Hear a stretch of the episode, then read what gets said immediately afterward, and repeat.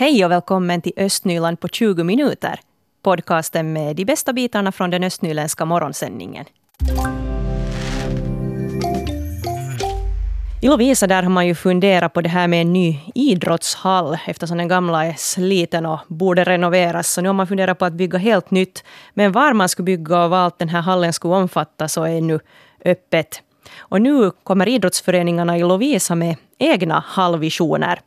De lanserar nu ett förslag på en stor allaktivitetshall på 7000 kvadratmeter i Gråberg. Och vi ska nu höra Mikael Forsten som är ordförande för Lovisa Tors innebandysektion och dessutom Leif Eriksson som är chef för kultur och fritidsväsende.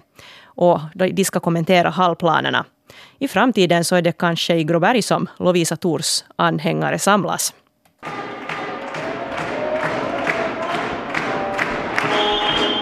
Den här gamla idrottshallen är byggd 79 och 80 och egentligen är det nog redan på övertid att alla vet att, att någonting borde göras och någonting borde göras så snabbt som möjligt. Om det sen är 7000 kvadrat eller, eller 5500 kvadrat eller, eller vad, det, vad det är fråga om men att behovet är i alla fall större betydligt än nuvarande hall. Det här säger Mikael Forsten som är ordförande för Lovisa Tors innebandysektion. Leif Eriksson, du är chef för eh, kultur och fritidsväsende i Lovisa. Frågan om en ny idrottshall i Lovisa, ja, den jobbar ju staden på men nu också idrottsföreningarna med ett eh, eget förslag. Hur ser du på det att föreningarna jobbar så här? Nu, nu är det ju bara all aktivitet så länge vi inte har linjen klar vad vi ska bygga och sånt så allt är ju till och, på det här sättet så får vi säkert det bästa förslaget fram när, alla är aktiva och det är ju helt positivt att alla jobbar på sin kant med, med det här projektet. Det alternativ som idrottsföreningarna kör på, det vill säga Gråberg, vad ser du där för goda sidor? No, no, det är förstås när det, när det byggnadsområdet är bra, det, det är det billigaste stället att, att, att bygga på. Utmaningen för, för Gråberg är ju kanske det att, att nuvarande idrottshall används även utav Visavikens skola och, och Visa gymnasium för gymnastikundervisningen och den stora utmaningen kanske är det här då att, att, att, att hur, ska, hur ska högstadiet och gymnasiet gymnastik ordnas? Att, att, att, det, att kan eleverna gå dit, ska de skjutsas dit eller, eller måste hittas på något, något, något, något med gymnastiksalar åt dem. Det, det, det anser jag att det är den största utmaningen med Gråberg. Mm. Det är ju lite re relativt det här med avståndet det där. Det är svårt att hitta riktigt in till skolorna. Därför måste man lite vidga, vidga sträckorna och söka, söka det lite ytterom riktigt centrala Lovisa. En hurdan hall är det som ni nu så att säga ritar upp? Där är beaktat så många olika idrottsgrenars behov som, som vi nu har kommit på samt det att, att det är möjligt att ordna även mässor och typ konserter i, i en sån här hall. Att det är viktigt att det är tillräckligt stora utrymmen. Det här konstaterar Mikael Forsten. Hur ser du på ja, omfattningen där på deras planer? Det är en ganska stor idrottshall de funderar på nu, föreningarna. 7000 kvadratmeter, tre planer, plats för 1300 åskådare, kostnadskalkyl 8 till 10 miljoner euro. No, no, den är nog stor med, med tre salar bredvid varandra, så den är nog för Lovisa mått så är det nog en, en mycket stor hall som vi talar om. Att, att, att så där stora hallar hade vi inte funderat på på, på, gällande idrottssidan gällande de här stans egna. De är nog lite mindre. De är nog större än dagens idrottshall men i alla fall inte tre fullstora planer bredvid varandra. Så, så stor hall hade vi inte funder, eller funderar vi inte på här på, på stans egna. Hur ser du på det här nu då att eh, ja, föreningarna själv tar tag i det här? Har ni tröttnat på att det tar lång tid för Lovisa stad att få beslut till stånd? No, inte vet jag om någon har tröttnat på det sättet och, och det som äh, här egentligen är tanken att, att alla inte bara sitter och väntar utan att genom att själva vara aktiva så försöka, försöka komma med konstruktiva förslag och få igång en, en vettig diskussion. Och det finns många andra, andra viktiga projekt i Lovisa för stunden uh, som binder, binder massor med tid åt stadens eget folk. Här är egentligen en fråga om en handräckning också att, att vara med och, och planera och, och försöka få, få projekt framåt i positiv bemärkelse. I Lovisa, ja, när tror du att eh, man börjar fatta beslut? Den här gamla idrottshallen är byggd 79 och 80 och egentligen är det nog redan på övertid att alla vet att, att någonting borde göras och någonting borde göras så snabbt som möjligt. Hans utmaning är, är väl den, den stora är väl den att ekonomin är så pass dålig och vi talar om så pass stora summor. Att det är väl det som är den stora utmaningen nu och, och, och, och Stan har investerat mycket i skolor och, och sånt och det finns ännu mycket som borde investeras. Att, att den stora frågan är väl att är den här finansieringen sen också så att... Vad hoppas du att eh, ja, snart ska hända? Nå, jag hoppas att, att, det där, att vi kommer vidare i diskussionerna och, och, och det där kommer igång med ett hall, hallbygge. Om det sen är 7000 kvadrat eller, eller 5500 kvadrat eller, eller vad, det, vad det är fråga om, men att behovet är i alla fall större betydligt än nuvarande hall. Det, det är vad man hoppas på att, att vi kommer framåt helt enkelt. Och på vår webbplats på svenska.yle.fi östnyland så finns det bilder på hur idrottshallen skulle kunna se ut om den byggs i Gråberg. Mikael Kokkola var reporter. Och från Lovisa centrum till en idrottshall i Gråberg så skulle det vara omkring en kilometer men från Lovisavikens skola så skulle sträckan bli en bit över två kilometer.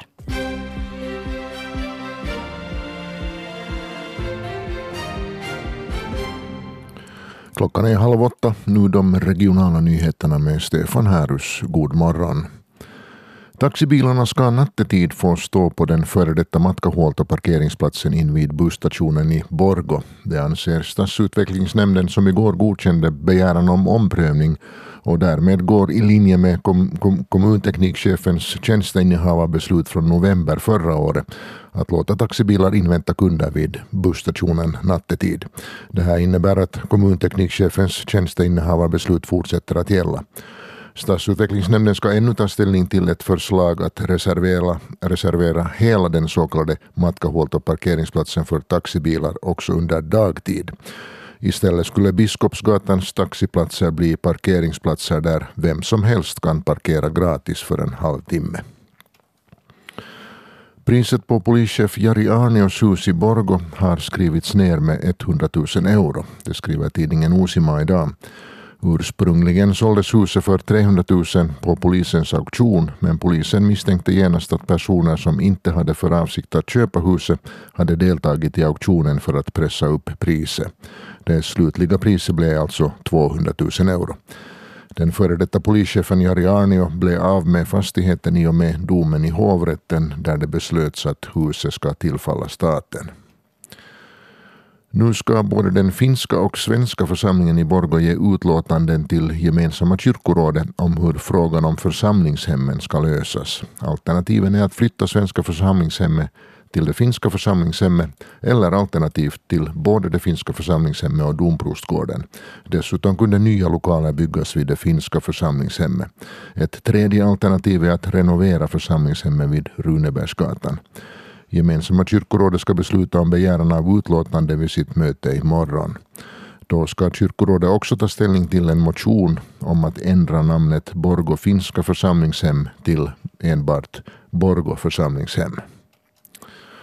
Så kan vi ännu berätta att det under slutet av veckan ska utföras servicearbeten vid Nestes raffinaderi i Sköldvik. Nedkörningen och starten av enheterna kan förorsaka större facklor än normalt samt buller och det kan också förekomma lukt i närområdet.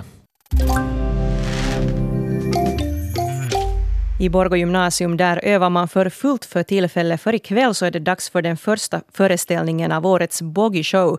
Och det är klockan 18.30 som gäller om man vill kolla in den. Det blir också föreställningar samma tid både på torsdag och fredag den här veckan. Och vår reporter Stefan Pavola är nu på besök i Boggy.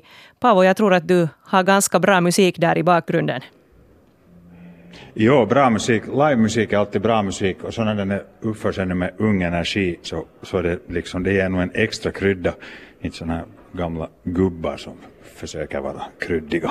Nej, skämt åsido. Det där, jo, det låter, det som jag hör nu just så det låter ju riktigt bra men vi har flyttat oss lite bort från salen och ner här i nedre aulan för att vi ska höra vad vi pratar. Men det där volymen är dock den som den ska vara. Det är inte för hårt och inte för sakta för det ska nog vara lite volym när man spelar pop och rock. Inte, inte, inte kan det vara låta som när man ser på TV hem, då, då är det ingen pop och rockmusik anser åtminstone jag. Med mig här har vi Annie Wahlström och Benjamin Andersson som går i Boggy och ska delta i den här showen. Annie Wahlström, hur känns det att vara med i årets Boggy Show? Alltså det känns ju helt jättebra att det här tredje året som jag själv har varit med hit eftersom jag är abiturient och det har varit, år, varit precis lika roligt att se hur många som har velat delta och uppträda med sina talanger. Vad ska du göra på scenen i år? Um, jag ska sjunga med mina vänner.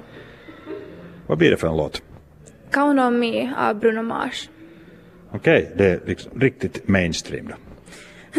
Mainstream kanske på, mm. kanske på sitt sätt men vi tänkte att det passar bra när det är sista året som vi går här och vi vill helt enkelt bara ta och fira vår vänskap och vårt sista år i Boggy med den här låten. Kan jag höra med dig Benjamin? Vad ska du göra på scen? Jag spelar nog mestadels bas på scenen, jag gör inte så mycket annat i år inte. Bas på scenen, inte så mycket annat, det är nog ganska mycket det att spela bas. Basen är den som knyter ihop, ska vi säga, ganska långt kompe. Hur kommer det sig att du spelar bas? Det var nu det instrumentet som fastnade för mig. Jag har nog testat på gitarr och piano och sådär men det var inte riktigt, riktigt mina instrument så det blev basen till slut. Hur skulle du beskriva den här årets show sådär som helhet? Det är nog mycket bra. Vi har flera olika låtar. Det blir klassiskt och det blir lite opera och sån rockigare och lite poppigare musik. Det liksom finns lite av allt möjligt med i år.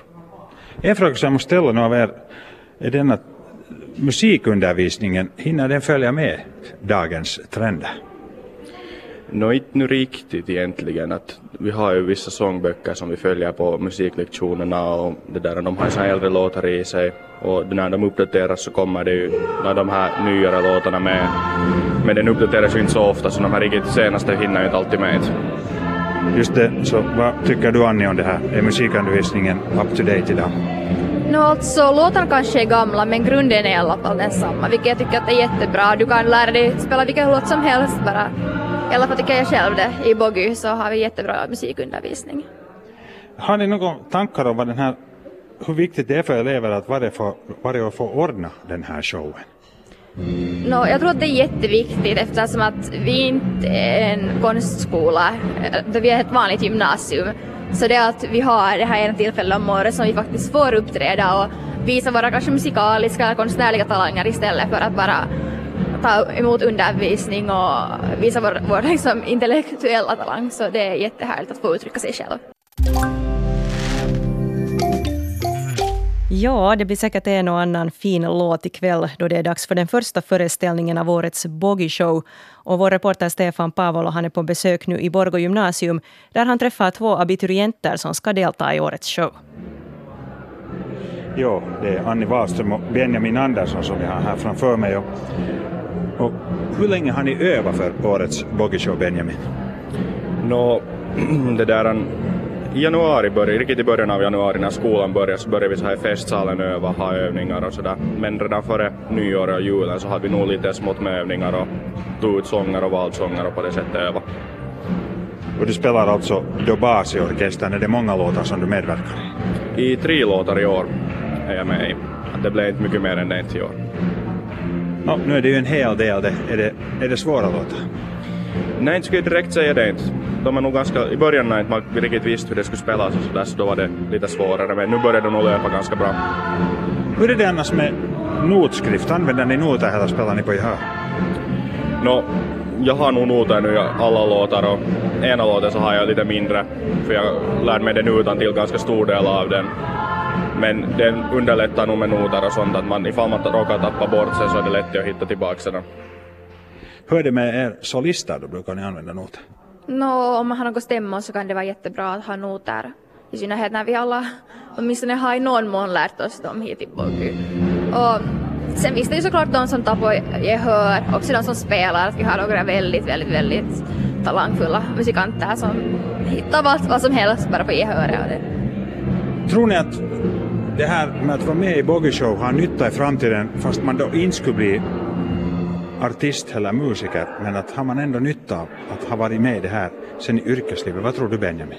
Jag skulle nog säga det för man får ju övning i så samarbete och så här social gemenskap här i Boggy Show att mycket samarbete pågår och man hjälper varandra och om något är fel så då kanske man hoppar in och visar hur det ska göras just på sådana sätt och jag skulle nog säga att det hjälper sin i arbetslivet nog.